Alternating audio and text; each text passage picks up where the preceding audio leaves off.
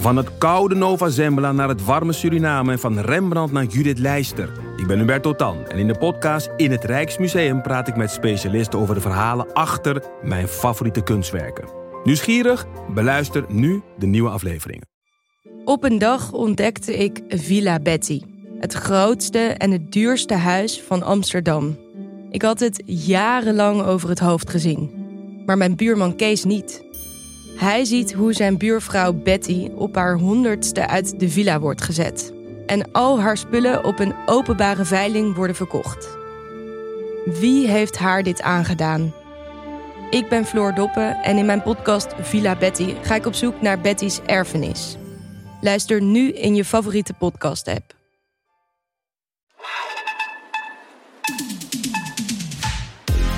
Welkom bij VSR, voorheen Schaamteloos Randstedelijk. De podcast over alles dat je wel bent, maar niet wil zijn. Mijn naam is Doortje Smithuizen, tegenover mij zit Perre van der Brink. En zoals iedere week houden wij onze luisteraars een spiegel voor. En onderzoeken we de paradoxale relaties met de systemen om ons heen. Ja, systemen in een ander land sinds een week. De afgelopen week hadden we namelijk ineens heel andere gesprekken met mensen. Gesprekken waar je in je lijnrecht tegenover elkaar staat. En vandaag daarom de vraag: hoe praat je over politiek in het nieuwe Nederland? Zonder te polariseren. Kan dat eigenlijk wel? Maar eerst, natuurlijk, die blijven altijd bestaan. De actualiteit. Wel fijn dat we de mensen meteen iets van houvast Iets, geven. geven. Dat beloven we Ja. ook, hè? Wij zijn er voor alle moderne We mensen. zijn er voor jullie. Nou, We zijn een gids. Houvast, ja.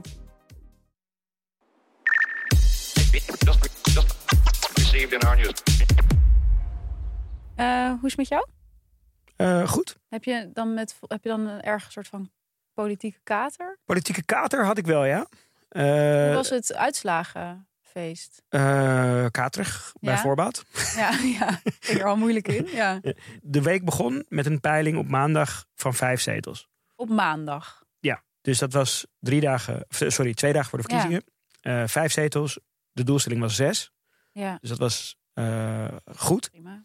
Eh, daar was iedereen erg tevreden mee. Maar de, er was een soort tikkende tijdbom in de vorm van de peiling shift. De, waar, op het moment dat de PVV de grootste werd, eh, gebeurde natuurlijk eh, het, het logische dat er, dat er veel meer zwevende kiezers naar, naar GroenLinks PvdA Mm. gingen trekken. En hoe erg die schade was, was niet meer echt te, te, te berekenen ehm, tot aan de verkiezingen. Want er was Ja. nog één soort van halve Nou, ik weet peiling. nog wel dat je zei toen we dinsdag gingen opnemen van er is wel veel een soort angst dat Ja. iedereen nu Groen, dat GroenLinks P van de A gaat stemmen in plaats van Volt. Ja, ja, zeker. En we hebben, we hebben ook nog wel meetings daarover gehad. Van ja, wat kan je nu nog doen? Ja, goed, dan zit je ook een dag voor, voor een verkiezing. Dus je kan niet, Ja. je kan niet heel veel meer doen. Ehm, en eh, die dag kan je natuurlijk, ja, dan zijn mensen gewoon aan het Ben je stemmen. dan nog gaan flyeren of zo? Nee, nee, nee. Oh. Ja, zij wel, maar ik, ik heb dat niet zelf gedaan. niet? Ja, ehm, ik had andere dingen. En toen was er die avond natuurlijk een verkiezingsuitslagenavond. Waar ik heel veel zin in had. Want Ja. ik had nog nooit zoiets meegemaakt Ja, vanuit dat precies wat ik zei, dat het waarom het mij zo erg lijkt. Eigenlijk zei je het inderdaad. Ja. eh, eh, ja. Ik dacht echt nog wel aan jou. Van, Ja. ja, er, er was een gezonde spanning toen ik binnenkwam van... Ja, gaan kijken hoe, hoe, eh, hoe, hoe erg de schade Mhm. gaat zijn. Weet je, we, stonden op vijf. Ja, wat blijft er van over? Zal, zal het... Ik had op een gegeven moment het gevoel dat drie behoud... dat dat een soort het hoogst Ja. haalbare was. Het werd twee. Mhm. Ehm, en bij de eerste exit poll hoorde je zo eh, honderden mensen. En het was alsof met die hap naar adem de sfeer uit die ruimte werd getrokken. Ehm, en die is ook niet meer echt ge- Nee. ge- En teruggekeerd. dan ook nog de, überhaupt de uitslag eroverheen. Nou, dat, dit, die, die, die, dat geluid wat ik net maakte, was eigenlijk dat. PVV op, op Ja. eh, eerst 35, toen 37 stond. Ja, En daar kwam dan achteraan dat zij naar twee gingen en ook niet meer hoger eh, Ja. kwamen. Eh, dus dat was inderdaad precies de avond die, die, die jij als had zou geschetst. vrezen, ja, ja. ja, ja, precies, precies.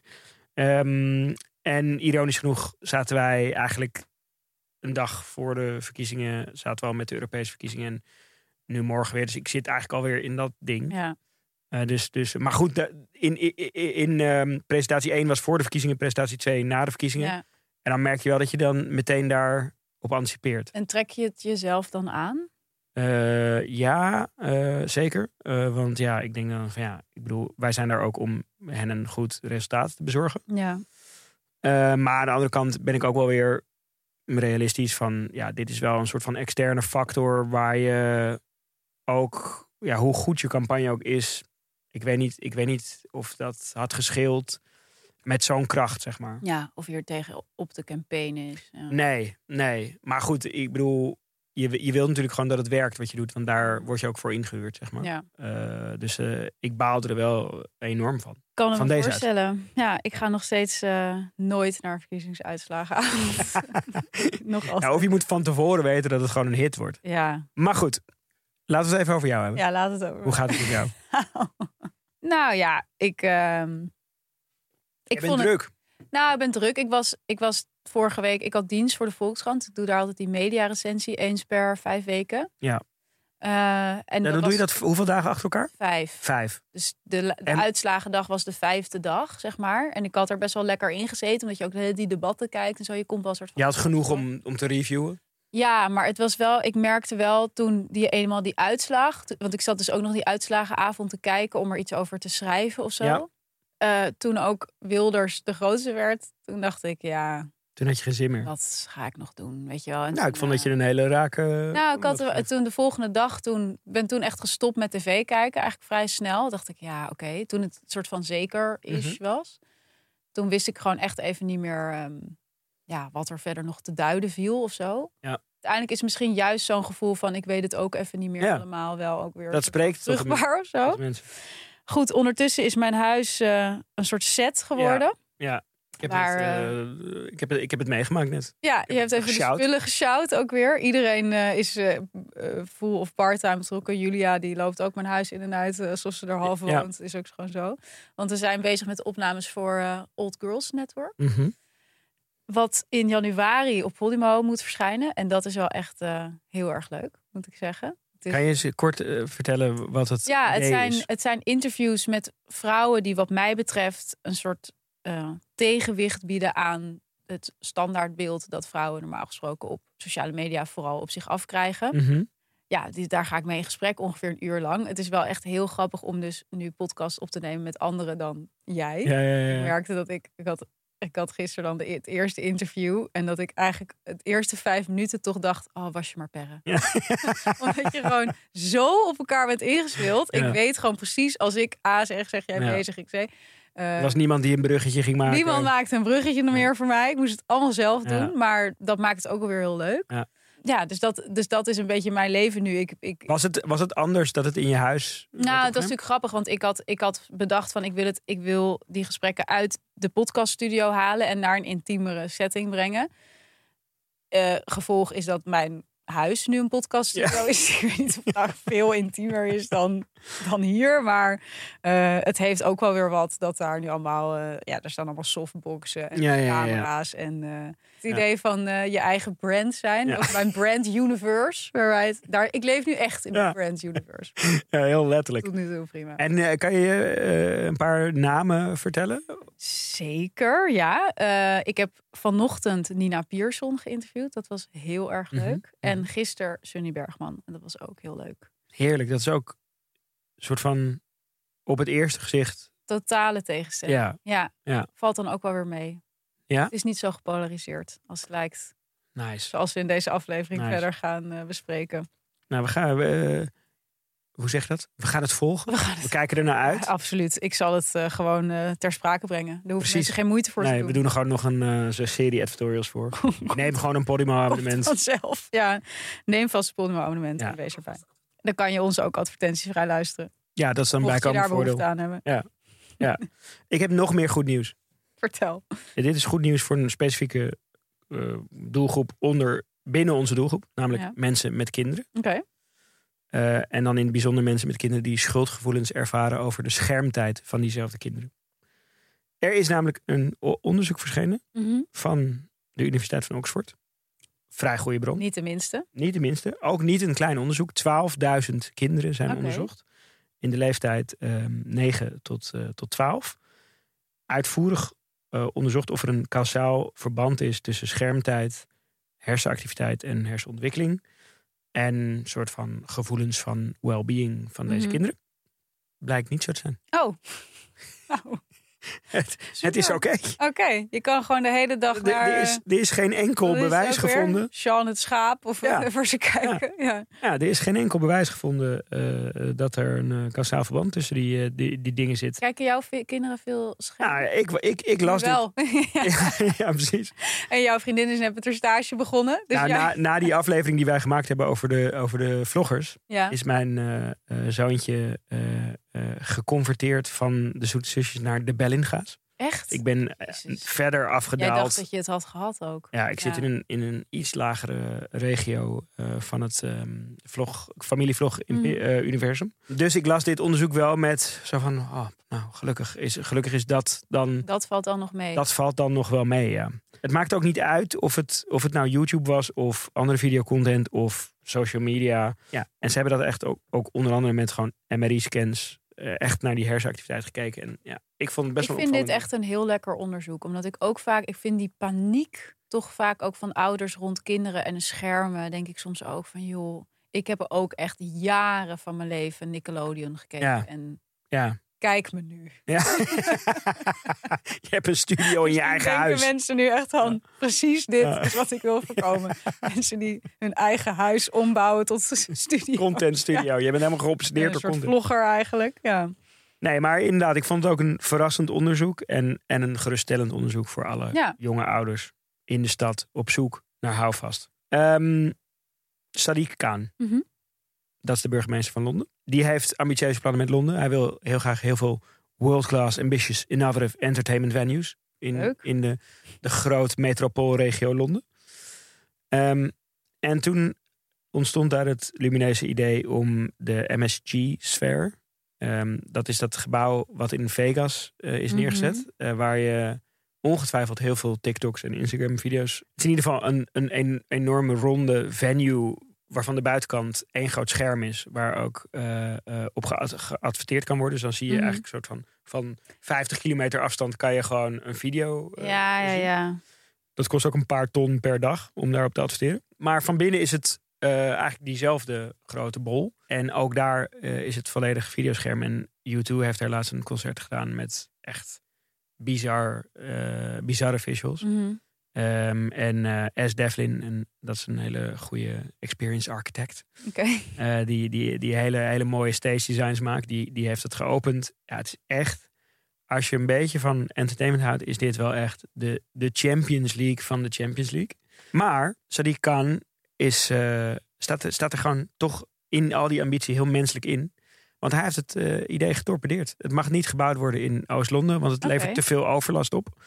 En dan, eh, Maar het was niet zijn idee of een. eh, nou, het past dus binnen die eh, visie voor de metropolie die hij heeft. Alleen hij vond het dat het te veel overlast voor de buurt nou, dat kan ik me voorstellen, zeg. Ja. Ja. Lijkt me ook echt fucking duur. Het is duur. Het, is, het, het Ja. kost een paar miljard, geloof ik, om dat ding neer te zetten. Ehm, maar ik, ik heb dus nu... Ik vind eigenlijk dat wij, dat wij dit... Oké, als Londen het niet doet, Mhm. laten wij dan... Jij hebt nog een paar miljard liggen. Je hebt zoiets van. Nou ja, ik, eh, ik, ik heb, het lijkt mij wel Nou, heel vet als dit... gewoon, als eh, de, je, je bent in één stap... Ja, precies. Dus er is, no- er is nog wel eh, wat ruimte in Noord. Ehm, zet dat ding er neer. Je bent in één, start de, de, de, in één stap de ehm, concerthoofdstad van Europa. Mhm. Het is ongelooflijk ambitieus. Het is heel goed voor de stad. Ik wil een pleidooi Waarom maken. doe jij dit per? Jij gaat toch nooit naar een concert. Ga je daar dan heen? Nou Ja, misschien als het helemaal afgebouwd is, zijn jouw kinderen ook uit huis. Dan kan je gewoon. Kan ik naar een gaan. concert? Ja, Ja, precies. Ja. nee, omdat dit gewoon wel echt next level eh ja, het ziet er wel heel vet uit. is. Ja, Ik vind dat echt... Het is, het is zo ambitieus dat ik, het, dat ik het heel erg om die reden... Waardeer. een ordinair ding, moet ik eerlijk zeggen. Ja, maar dat is toch... Het, het is een canvas. Dus, dus het is Ja. zo ordinair als dat je het zelf maakt. Dus als jij ordinaire visuals erop vertoont, is het ordinair. Ja. ja, ja. Laat mij maar in die Ja. Londense gemeenteraad eh, dit Ja, land verdedigen. Dit is, dit, ik voel gewoon waar dit heen gaat. Jij, gaat, jij wordt gewoon. eh ik ga de sfeer Amsterdam. Ja. Jij wordt gewoon raadslid. Alleen maar puur om dit ding. om en dit ding daarna te duwen. ja, als jullie door zulke ordinaire visuals, dat zou ik ook nooit hebben gekozen. Heel Noord op zijn achterste poten. ik heb er gewoon een dek bij geleverd met visuals. Ja, en als jullie dat ik niet zei, je moet de smaak voldoen. Ja, Ik heb niks gedaan. daar heb ik dan wel weer zin in. We gaan het in de gaten houden. Oké, laten we het over politiek gaan hebben. Maar voordat we het over politiek gaan Oh, we hebben. hebben zo'n interessante nieuwe sponsor. Mensen gaan het misschien wel niet geloven. Maar het is het initiatief Doei Tabaksindustrie.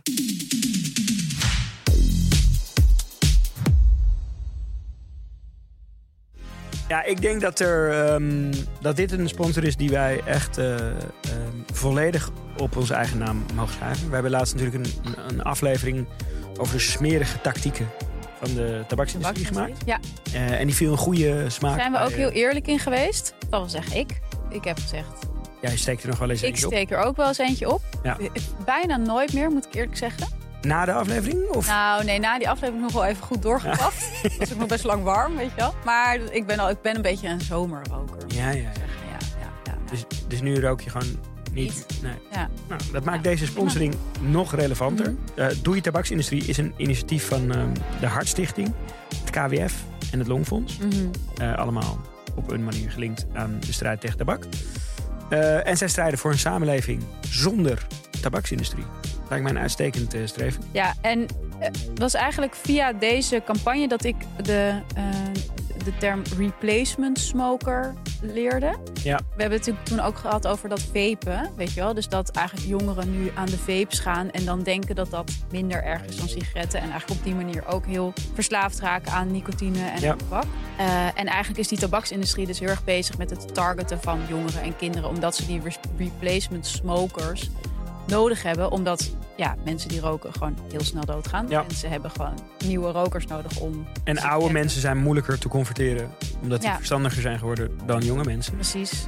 Dus dat, ik vond dat wel weer ja, een eh, tragisch idee. Ja, en zij, als in de Doei Tabaksindustrie, die wil deze wanpraktijken, wanpraktijken van de tabaksindustrie blootleggen.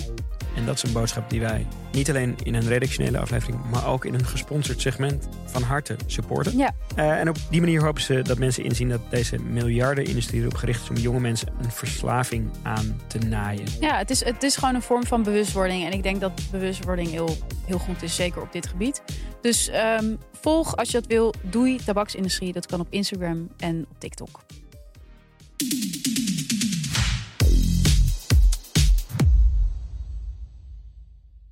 We gaan het ehm, over de verkiezingen hebben. Ja. Het voelt heel lang geleden al, al dat de verkiezingen waren. Ja. Het Heb je niet dat eens ook? een week. Nee. Maar het voelt echt wel, Als een nieuwe realiteit. En daardoor... toch best wel, toch? Ja, Eh, terwijl ik wel... Ik had... ehm ken je die BBC-serie Years and Years? Nee. Dat is echt wel is echt een tip ook wel Ja? om die nu te kijken. Ja, dat gaat eigenlijk is een soort, soort politiek Black Mirror en dat gaat eigenlijk over ja over 50 jaar zijn al, overal alle populisten aan de macht. Maar dat is een beetje het idee. Hmm. En ik had wel echt die eer, zeker toen ik dus wakker werd na die verkiezingsuitslag en dus best wel snel eigenlijk was gaan slapen met een soort idee van bekijk het maar even wereld en Volkskrant en weet ik veel wat allemaal. En dat je dan de radio aandoet en dan inderdaad weer hoort van Het is Geert. Wilders is Ja. de grootste geworden.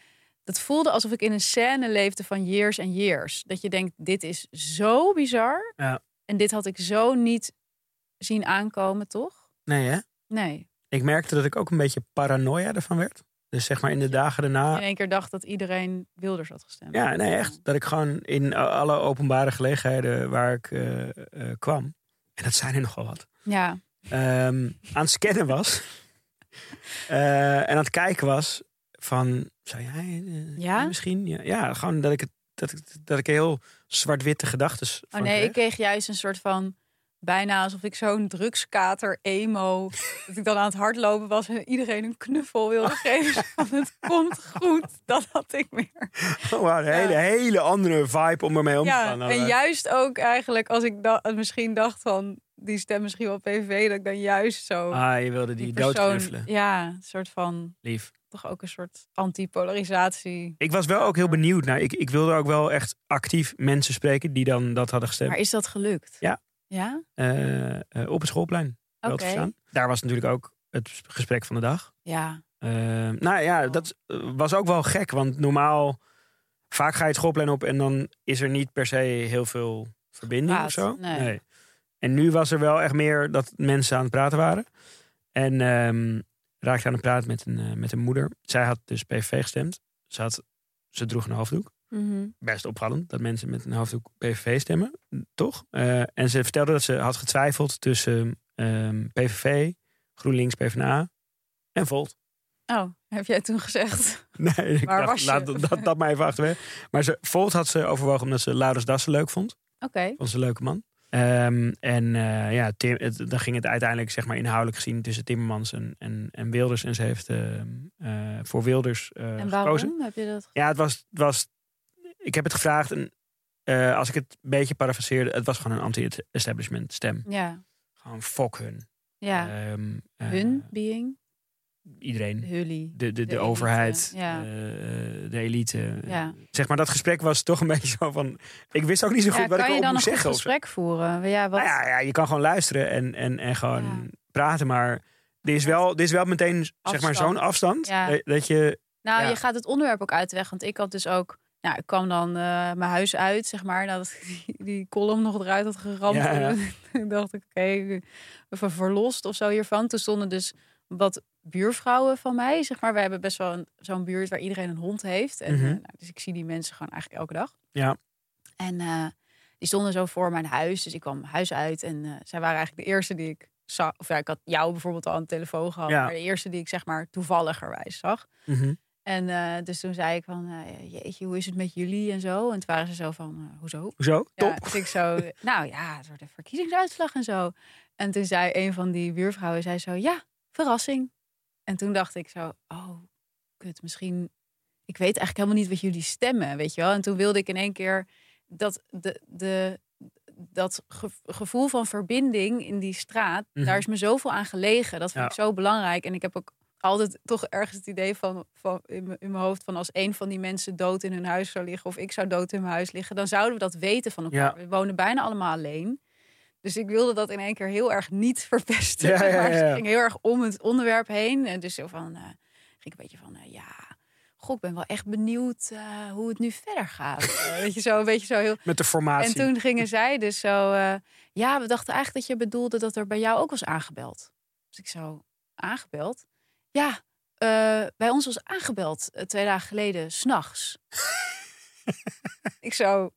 En toen dacht ik later ook van ja, zo... Dit is ook ergens een soort van heel typerend voor het sentiment. Ja. Een soort van, ja, oké, ja, verkiezingsuitslag, Nederland en zo. Maar was er bij jou ook aangebeld? ja, Ik vind ja, dat ook zo irritant. Zo'n soort heel erg bezig met een soort gevoel van bedreiging of een soort van eigen. Vol- Volgens mij is het ook dat, dat het meta, de meta-discussie van hoe nu verder, die wij hier nu ook weer voeren, is ook bijna exclusief een soort links ding, toch? Ja, En linkse mensen praten daarover met andere linkse mensen. Ehm, terwijl volgens mij dat schoolpleingesprek, dat is eigenlijk wat je juist meer moet doen, I guess. Toch? Dus hoe, hoe, hoe ga je wel... nou, dat is denk ik ook wat we in deze podcast willen onderzoeken. Hoe, hoe blijf je in gesprek met elkaar over de politiek en Ja. wat, zonder dat het polariseert of zonder Ja. dat het giftig wordt. Want dat is ook wel wat ik zelf ervoer de, de laatste dagen eigenlijk naar die verkiezingen toe. Niet zozeer in mijn eigen sociale bubbel, maar wat ik wel heel erg van vrienden hoor, dat bijvoorbeeld ook in appgroepen het echt helemaal los ging. Weet je, dus dat mensen bijvoorbeeld eh, niet meer durfden te zeggen op wat ze gingen stemmen, omdat ze bang waren dat hun vrienden dan boos zouden worden. Of ik had ook vriendinnen die, waar dan me- mensen in de appgroep eh, gingen zeggen van eh, ja, wie strategisch stemt heeft Ja, ja, ja, bloed ja. aan zijn handen. Of als je geen bijeen stemt, ben je een racist of een fascist of zo, weet je. En dat ik wel dacht, jezus of zo, weet je wel. Ergens ook toch in mijn bubbel, iedereen is basically links, weet Mhm. je wel. Moet het zo hoog oplopen? En dat is wel denk ik een vraag die nu heel erg gesteld wordt en terecht. En die wij ons dus ook stellen van hoe hou je dat gesprek nou constructief? En hoe blijf je elkaar ook respecteren? Mhm. Want ik geloof wel echt dat, je, dat die- polarisatie waar we nu in zitten, dat brengt ons gewoon echt niet ver. Nee, nee, dus daar gaan we het over hebben. We gaan, we gaan tips verzinnen. Verzinnen. We gaan tips verzinnen. Tips verzinnen. ja, ja. Gewoon een beetje. Eh, eigenlijk gaan we... De losse pols. Ja. Hoe kom je de kerst door? Is ook de, de Dat is vraag. ook, ja, want dat is ook wel iets waar. Het decor van de kerst is, is een goede in deze. Ja, ja, precies. We moeten allemaal onze familie onder ogen komen. Plus aanhang, toch vaak. Er zit altijd wel iets bij, iemand bij die iets anders heeft gestemd dan jij. Ja, Hoe houden we het gezellig? Ik, ehm, ik merk dat ik, ik... Ik kom er niet uit, eigenlijk uit dit onderwerp. ik, ik vind het zo. Want kijk, ik, ik begrijp heel goed hoe iedereen reageert op deze verkiezingsuitslag. En dat Mhm. voel ik zelf ook. Dus ik vind het echt waanzinnig dat we in een tijd leven waarin iemand met gewoon fundamenteel racistische standpunten, ongrondwettelijke ideeën, zoveel stemmen kan krijgen. Niet land. doorgerekende ideeën. Nou ja, ook, maar dat vind ik dan nog bijna het minst. Weet je, ik vind gewoon het, het, de ideologie erachter, dat daar Mhm. zoveel mensen zich achter kunnen scharen, daar, daar ben ik eh, op een goed moment eh, ben ik daar heel erg door verbaasd. En op een slecht moment ben ik daar gewoon heel depressief over Ja. eigenlijk. Ehm, en tegelijkertijd merkte ik dat ik de reacties van mensen ook soms ingewikkeld vond. In die zin dat ik dacht, is dit niet contraproductief? Dus bijvoorbeeld dat veel Uit linkse hoek bedoel je? ja, ook uit linkshoek en mijn eigen hoek. Dus bijvoorbeeld dat veel Amsterdamse instellingen dan de vlag halfstok, de Mhm. Amsterdamse vlag Mhm. halfstok gingen hangen. Ja. Zeg maar, ik begrijp het supergoed en ik wil ook alles halfstok. Ik, ik ben halfstok Mhm. in zekere zin, maar tegelijkertijd denk ik ook, er is zo duidelijk vanuit overwegend de niet-stedelijke gebieden ehm, op Wilders gestemd. Is het dan zinnig om vanuit de stad meteen te zeggen wat kut van jullie of Mhm. wat, wat, wat dom of weet je, terwijl, terwijl ik het dus ook en ik vind het dus ook echt, echt waanzinnig vreselijk en, en onvoorstelbaar. Maar tegelijkertijd denk ik, moeten we met, me- met z'n allen zo'n signaal afgeven? Polariseer je dan niet alleen nog meer? En leven we dan niet over een aantal jaar in een nog rechtser, Mhm. radicaler land? Ja, ik, ik, ik zou hem bijna nog wel scherper willen stellen als dat je net zei. Dat het, dat het niet een soort van stad versus platteland is, maar meer de rest van Nederland versus Amsterdam ongeveer. Dat het bijna een soort afrekening met Amsterdam is. Voelt het zo voor jou? Ja, omdat eh, sowieso in Rotterdam en Den Haag was, eh, is die uitslag heel anders dan, dan, dan in Amsterdam. En ik denk dat dit soort acties, het voelt heel Amsterdams, het voelt heel klein en bubbelig. Wat, Ehm, wat voor acties? Om zo de vlag die vlag half stok Ja, ja. hangen. En, en, en zeg maar, ik ben het. Ik denk ook dus dat dat verder polariseert. Eh, en dat dat eigenlijk olie op het vuur is van Mhm. dat sentiment. Tegelijkertijd ja, is het ook een. Je, je, je moet ook je, je onvrede Nou kunnen laten ja, blijken. en dat, en dat is dus, ik, ben, ik denk heel veel na voor dat idee van normalisatie. Dus eh, hè, waar we het wel meer over hebben nu ook. Dus dat we eigenlijk doordat Wilders zo lang zo racistisch zich heeft geuit in de, in de Kamer. Ik bedoel, we weten natuurlijk allemaal nog die minder, minder, minder uitspraken. Maar er Mhm. zijn natuurlijk veel meer uitingen geweest van, van, van racisme en van haat. Ehm, maar dat we het nu kennelijk zo lang hebben aangehoord dat we het toch soort van gaan accepteren of zo. Mhm. dat, daar, daar ben ik dus heel dubbel in. Want tegelijkertijd denk ik ook, we moeten dat, dit op geen enkele manier accepteren. En op geen enkele manier ja, het gesprek daarmee aan willen gaan. En tegelijkertijd denk ik, ja, als we dat niet doen, dan, dan dan maakt het, drijven we nog ja, verder. je af, maakt het je groter dan of zo. Nou ja, ik moet heel erg denken bijvoorbeeld... ehm, het gaat nu de hele tijd over mijn rijlessen, maar goed. Ik heb net mijn rijbewijs gehaald. Top dus me. Maar dus mijn, mijn ex, die, die, hij had wel een rijbewijs en een auto. Dus ik zat vaak met hem in de auto. En hij, hij zei dan heel vaak iets over het rijgedrag van vrouwen. Hij zei eigenlijk altijd, vrouwen kunnen niet rijden. Mhm. En ik heb dat eigenlijk nooit als storend ervaren. Omdat ik het gewoon zo vaak hoorde. En pas toen ik zelf rijles ging nemen, dacht ik... Het is eigenlijk heel raar dat jij Ja. dat zegt. En toen pas ging ik er tegenin. Maar ik heb dat, dat soort vergelijking van... omdat we nu gewoon 15 jaar Wilders hebben aangehoord... dat we er misschien niet meer... dat we dingen gaan zeggen als Geert, Geert Milder en zo. Terwijl dat partijprogramma is nog steeds even rechtsradicaal. Ja, hij heeft natuurlijk wel op een aantal vlakken dat zelf ook opgezocht. Hè? Dus, dus, dus hij, wat dat betreft heeft hij een goede campagne gevoerd. Want hij heeft volgens mij extreem weinig middelen ingezet. Ehm, en zijn grootste actie was volgens mij dit benoemen. Eigenlijk self-proclaimed mildheid Ja, benoemen. nou ja, er heeft natuurlijk ook meer gespeeld. Bijvoorbeeld dat de VVD hem niet meer uitsloot.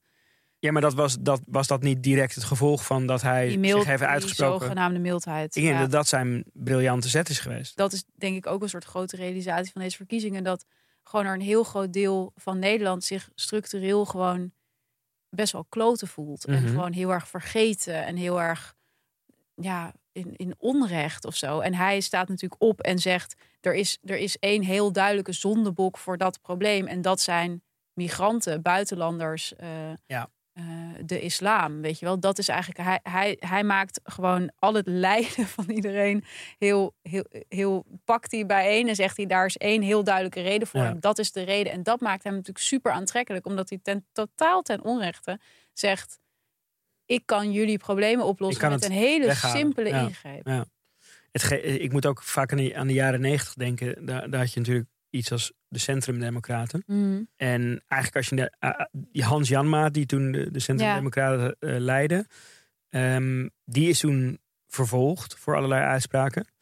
Ehm, en hij is ook door de voltallige media soort van ge- genegeerd. Ja. Gewoon ook, ook eh, formeel, dat ze gewoon zeiden van we negeren deze man. ja. En als je dan teruggaat naar wat hij zei, dan was dat echt nog heel Geert Milder Ja. eh, vergeleken met wat, wat, wat hij nu in zijn milde Ja. variant zegt. Hoe dat ook, hoe, hoe, hoe zou je, hè, wat, wat jij net zegt, van hoe je daar dus ook een soort van aan kunt wennen of zo. Ja, dat is die normalisatie. Ja. En ik denk dat mensen ook een soort. Ik weet, ik weet niet of ik het er helemaal mee eens ben met jou van dat het een anti-Amsterdam stem is. Maar je merkt wel dat mensen willen gewoon altijd een soort van anti-stemmen. Dus bijvoorbeeld mijn rijleraar, die stemde gewoon elke verkiezing iets anders. Mhm. Die had al een keer, had al een keer Wilders gestemd. Toen had hij FVD gestemd. eh, toen had hij BBB gestemd. Hij ging nu Omtzigt stemmen. Ja. Weet je wel, hij, hij had ook nog Fortuyn gestemd. Weet je, hij heeft gewoon altijd op een andere partij gestemd. En altijd het idee gehad van... het is een soort anti-stem of zo. Ja. En daarom denk ik nu ook van... weet je, dan zag je ook van die... dat, dat uiteindelijk dat verhaal... wat ook Femke Halsema volgens mij zei van... we zijn geen Nederlanders, we zijn Amsterdammers Mhm. denk ik, ja, ik snap het. Ik wil mezelf hier ergens ook buiten plaatsen. Tegelijkertijd denk ik, we hebben ook een soort ver- verantwoordelijkheid, toch? Want je bent niet alleen Amsterdammer, je bent ook Nederlander. En als jouw land in deze staat verkeert, dan moet je daar ook, moet je daar ook iets mee. Ja. En daarom denk ik dat dat, dat dat gesprek voeren zo belangrijk is. Ja, wat die, wat die, wat die rechtse partijen eh, natuurlijk slim doen, en dat is eh, ook een, een brandingstrategie, is dat je, dat je, je, hebt en een ideologie, maar je hebt ook een hele duidelijke vijand tegen wie je ageert. En ik denk dat linkse partijen dat, dat te weinig nu hebben. Dus dat ze ehm, een ideologie hebben, maar dat ze eigenlijk een verhaal van constructiviteit en optimisme willen vertellen. Ehm, wat gewoon in deze soort algoritmische tijden Ja. gewoon niet het verhaal is wat komt bovendrijven of zo. Mhm. Ehm, dus de trieste realiteit is dan dat je dus toch scherper in dat. Je moet een soort vijand zoeken of zo. Ja. Dat, dat zou zeg maar het. het eh, ik heb het al vaker benoemd, dat, dat cult brand framework, Mhm. eh, het boekje eh, waar ik vaker aan heb gerefereerd. Dat zegt dat wel van je hebt, je hebt die vijand nodig om tegen te ageren. Dat is waar, waar iemand zich bij kan aansluiten. En dan is misschien dat, dat narratief van optimisme en eh, constructiviteit niet genoeg of zo. ja, maar tegelijkertijd. wil je het- niet. Het is, ja, het is zo. Ik wil dat niet. zo ontzettend Dus, dus, naar idee. En Ja. het is ook heel erg wat je in Amerika ziet, toch? Want daar is dat natuurlijk heel erg gebeurd. Ook eh, hè, dat, dat die wederzijdse vijandschappen eigenlijk van die twee partijen ook tot enorme polarisatie hebben geleid. Ja. Dus daar, daar, daar, ja, ik heb veel New York Times artikelen en zo daarover nog gelezen. De afgelopen dagen dat je echt ziet dat families en vriendengroepen die, die vallen echt uit elkaar Ja. door die politieke tegenstellingen. En eh, uit onderzoek van de New York Times bleek vorig jaar dat één op de vijf Amerikaanse stemgerechtigden vrienden of familieleden eh, ja, had verloren, zeg maar, door politieke meningsverschillen. Ja. Dat vind ik echt heel veel. ja. Ja, en in Nederland gaat dat eigenlijk ook, ja, speelt dat ook al en gaat dat denk ik nog veel meer spelen. Want je hebt eh, het CPB heeft al onderzocht dat mensen er steeds meer voor kiezen om politieke kwesties eh, ja, te omzeilen, Mhm. zeg maar, op, op, op verjaardagen en op bedrijfsfeesten of zo, omdat er gewoon te veel kans is op ruzie. Ruzie. Ja. Ja. En eh driekwart van de Nederlanders maakt zich zorgen over polarisatie. Dat bleek ook onlangs uit een SCP-rapport. Dus de toon van het debat, de tegenstelling die steeds groter worden. Dus er is wel echt een soort Iets gaande. stress of Ja. zo. O- Juist om dat gegeven van we, we komen niet meer dichter tot elkaar. We drijven alleen maar meer van elkaar af. En we, we, we vechten elkaar de tent uit of we zwijgen maar. En tegelijkertijd vinden we het ook steeds moeilijker om dat gesprek aan te gaan. Ja, en dat, dat, dat, dat gesprek, eh, daar is wel echt een heel interessant experiment mee Mhm. gedaan. Eh, door een onderzoeksinstituut wat de eh, NORC heet. Die hebben een groep van 526 mensen bij elkaar gezet. Voor een weekend lang. Ja, Verschillende achtergronden, verschillende politieke standpunten. En gewoon een soort van Ja, verdeelde dit groep. was dat ding uit de New York Times, toch? Met Ja. ook al die foto's erbij. Dat je echt denkt, kan het diverser? Ja, ja, precies. Kan- hoe kan dit goed gaan, Ja, zeg maar? echt. ja, dit wordt ruzie. Ja. Ja. En dan eh, worden ze eigenlijk voor dat weekend Mhm. eh, worden ze, doen ze een interview. En na het weekend doen ze een interview. En ja, het experiment is dan logischerwijs van... zijn ze milder geworden in hun standpunten? Mhm. Dus zijn de, de, de, de linkse mensen eh, minder links geworden en, en, en vice versa? Ehm, en begrijpen ze elkaar met andere woorden beter? Ja. Blijkt dus echt totaal het geval te zijn. Mhm. Mensen schuiven allemaal eh, op naar, ehm, eh, naar het centrum. En naar elkaar toe eigenlijk. Ja, ze begrijpen ineens elkaar zienswijze. En ja, het, het, het experiment laat gewoon zien dat als je gewoon een keer een gesprek met elkaar voert, dat, je elkaar, dat, dat de polarisatie daadwerkelijk minder wordt. Nou ja, da, dat, is, ja, dat is waarom het, is ook, het voelt ook zo.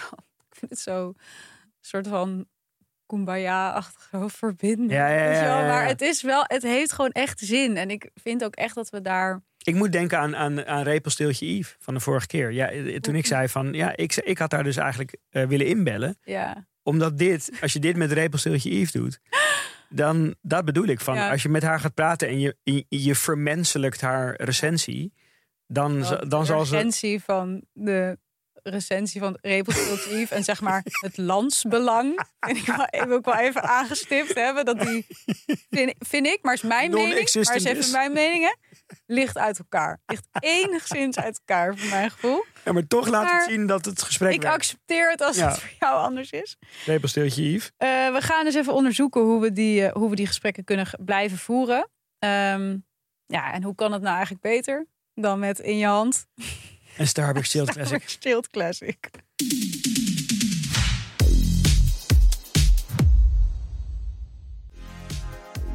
Ja, want het wordt aanbevolen dat mensen elke 60 tot 90 minuten 10 minuten de tijd moeten nemen om te depolariseren. Ja, zeker in deze tijd. Precies.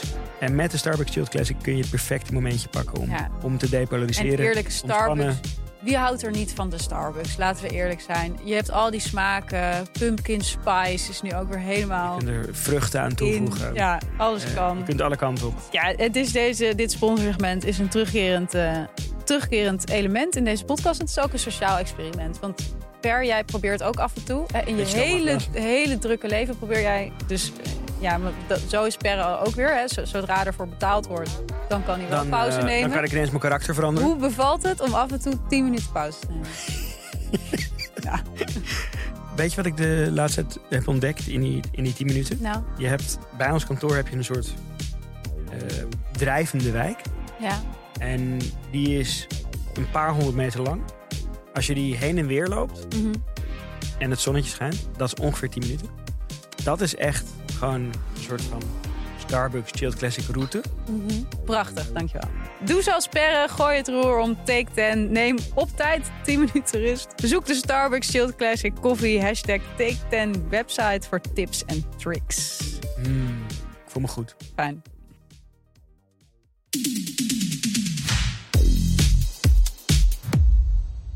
Oké, eh, we gaan nu even concreet maken, Mhm, proberen. mhm. eh, hoe we dat gesprek de komende weken, maanden gaan voeren met elkaar. Ja. Nou, zeg maar. ja, dus hoe gaan wij onze confirmation bias, dus Ja. de neiging om alleen maar informatie tot je te nemen die aansluit bij je al bestaande overtuigingen, Nou, precies, want dat was natuurlijk wel wat je zag ook na die verkiezingen, tenminste in mijn social feed, Mhm. was het dan ook weer alleen maar ja, posts van Johan Freds, eh, weet je wel, waar dingen waar iedereen, ik in, elk geval gewoon wel mee eens ben, maar waarvan ik ook denk, ja, als ik dit maar de hele tijd blijf zien, dan blijf ik dus ook verrast door dit soort uitslagen. Ja, En precies. eigenlijk vind ik dat dus heel gênant. Dat ik in een land woon dat mij zo eh, kan verrassen. Ja, Dat ik kennelijk zo weinig binding heb met het land waarin ik woon. maar ik denk dat dat ook, eh, dat dat ook voor in de, in de, laten we zeggen, PVV-hoek ook juist de irritatie is. Dat zij, hun irritatie is ook dat dit ons verrast. Nou, maar tegelijkertijd het gaat ook allebei de kant op. Want je had dat filmpje van Roel Maaldering. Mhm. Weet je wel, die vond ik Mhm. wel weer goed erop zitten. Heel goed, ja. Dat, eh, dat hij, dat hij in. Hij was op twee. eh, Geertrui- Geertruidenberg. Geertruidenberg Ja. en Amsterdam. Ja, En dan ging hij vragen: ken, in Amsterdam vroeg je: ken je mensen die PVV hebben gestemd? En in Geertruidenberg eh, ken je mensen die PvdA GroenLinks hebben gestemd? Ja. En met hetzelfde soort van Intonatie. ja, een blik van nee, natuurlijk Ja, niet. Weet je wel? We- Gaven die mensen antwoord. Dat vond ik wel heel telling. En wat, wat wel weer mooi was, was dat ze ook allebei zeiden: zouden die wel eens willen spreken? Daar zeiden ze allebei ja op. Ja, Dus, dus de, eigenlijk waren dit ideale respondenten voor dat, eh, voor dat onderzoek waar we het eh, ehm, over hadden. Dus ik, ik moet zeggen dat ik dit ook eh, van de week voelde bij eh Havermelk Elite Mhm. Actie van de week. Of zo een aantal van, Ja, die, ja, Van, die, van die voorbeelden die iedere week gepost worden, die best wel grappig zijn. Mhm. Maar ook iets leegs hebben of Ja, zo, toch? Ik, ben- ik ben Ehm, eigenlijk heel blij dat je dit nu een keer aansnijdt. Want ik heb al he- heel lang een soort van ongemakkelijk gevoel bij dat ding. Dus dat iedereen inderdaad, je hebt dat account Havermelk Elite. Jonas Kooijman is ook in een van onze eerste afleveringen geweest. uh-huh. En dan gaan mensen inderdaad delen wat hun meest havermelk elite. En dat is dan een soort van grappig. Maar de laatste maanden word ik daar alleen maar ongelooflijk droevig Ja, van. het is ook een soort cultivering van Een- kansenongelijkheid. En van een totale leegte en een totaal gebrek aan een soort van persoonlijke ideologie. Ja. Of een soort van zelfreflectie. Ik vond persoonlijk nu de allerergste die ik zag. nou, er waren wel ergere, maar was huilend een cressetpan unboxen omdat de PVV gewonnen heeft. en dan denk ik echt, jij mag even op ontdekkingsreis naar Geert Ruidenberg. Ja, maar even leren in welk land je woont. ik vind deze eigenlijk best wel grappig. Nou, maar dit, hier kan je toch niet meer om lachen?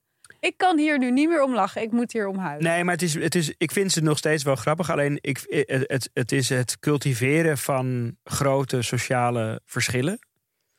Eh, Nou, En gewoon een eh, cultiveren van een gebrek aan verantwoordelijkheid. Dat vind ik het vooral. ja, maar het, is ook, het, het, het stelt ook. Een, het, het is extreem polariserend. Want jij kan een creuset-pan Ja, kopen en zij zijn met hele andere dingen bezig. Of Ja. kunnen dat dan niet of zo.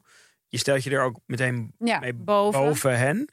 Eigenlijk zijn dat soort dingen zijn soort de ideale campagne-assets voor een PVV-campagne. Ja, Dat, is, dat is gewoon precies van. dat is echt dit haten wij. Als ik Geert Wilders was, zou ik dit nemen en zou Reposten. ik gewoon reposten. Ben je klaar? Heb je nog een zetel erbij. Precies. Eh, en, eh, of, of, of, of al die eh, mensen die dan memes maken over emigreren uit, het, uit Nederland of zo. Weet je, de dag Ja. na zo'n verkiezing of zo. Dat, ook dat is, is olie op dat vuur verder gooien. Of Ja. weet je. Dus ehm, hoe gaan we dat dan wel doen? Dat, dat, eh, Nou ja, ja ik, ik, er stond zo'n stuk in de Volkskrant eigenlijk wel een soort van vooruitziende blik van de Volkskrant magazine. Van, met die etiketten. ja, die Ja. etiketten van het politieke gesprek aangaan. Ja. Alsof ze al Ja. wisten van we gaan Ja. het nodig hebben. Daar vond ik wel goede in staan. Ehm, ik ben zelf een keer op ehm, een weekendje weg, wil ik zeggen. Het was geen weekendje weg. Ik was een weekend met de jongeren van Forum voor Democratie. Toen die partij net was opgericht eh, eh, voor Vrij Nederland. Voor een stuk in. eh, Dit is Vrij- wel een goed detail om erbij te Ja. vermelden. Ik ben niet zo bipolair in mijn opvattingen. Dus toen kwam je Ehm, daar aan met je creusetpan. Ja, huilend. Ja, en, zij, en zij wilde gaan jagen. Ja, ja, precies. Nou, dat past wel weer bij elkaar.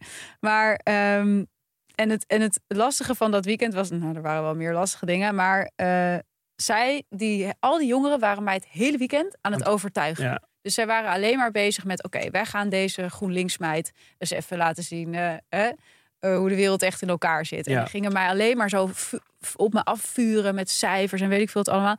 En ik merkte dat ik, oké, even los van dat ik, nou, het lijkt me moeilijk om mij op de VVD, of op de nou, VVD ook, maar FVD te laten stemmen. Ja. Maar ehm, dat werkte zo niet. Jij je- radicaliseerde. Je, gaat zo je hakken in het zand zetten. Ik kwam linkser dan ooit Ja. terug van dat weekend, zeg Ja. maar. Dus, en dat is ook wat die Volkskrant heel erg zegt van...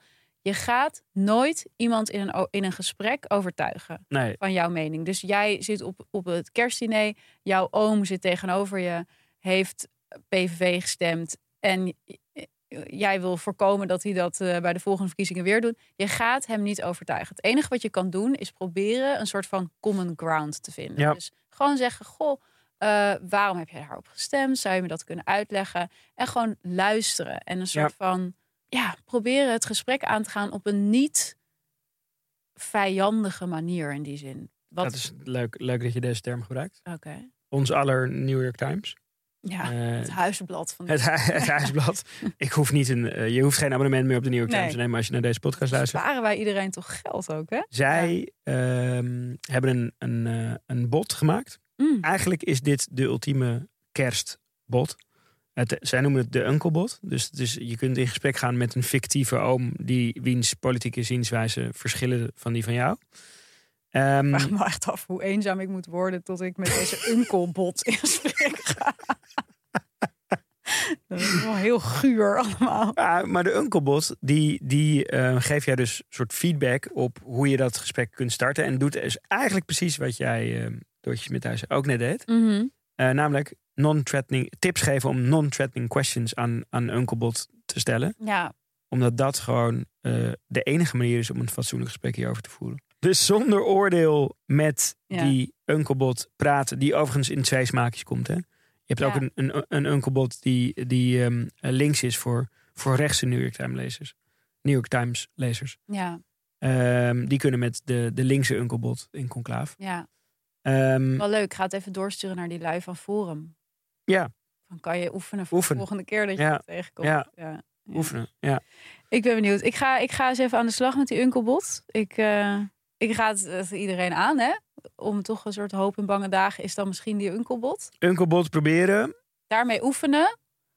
Zonder oordeel leren praten met elkaar. Ik vind ook oordelen, eh, laten we zo min mogelijk oordelen, behalve over mensen die huilend hun creusetpan unboxen.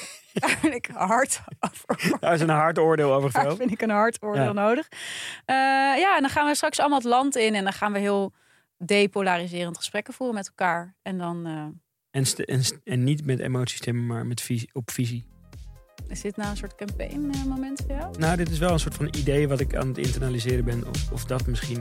Misschien is dat wat je als gehele politiek moet branden. Dat is een overkoepelende, Wel weer overkoepelende heel politieke leuk dat jij na één partij de gehele politiek wil branden. Waarom niet? Waarom niet? We gaan er volgende week op door. Dankjewel voor het luisteren. Tot volgende week.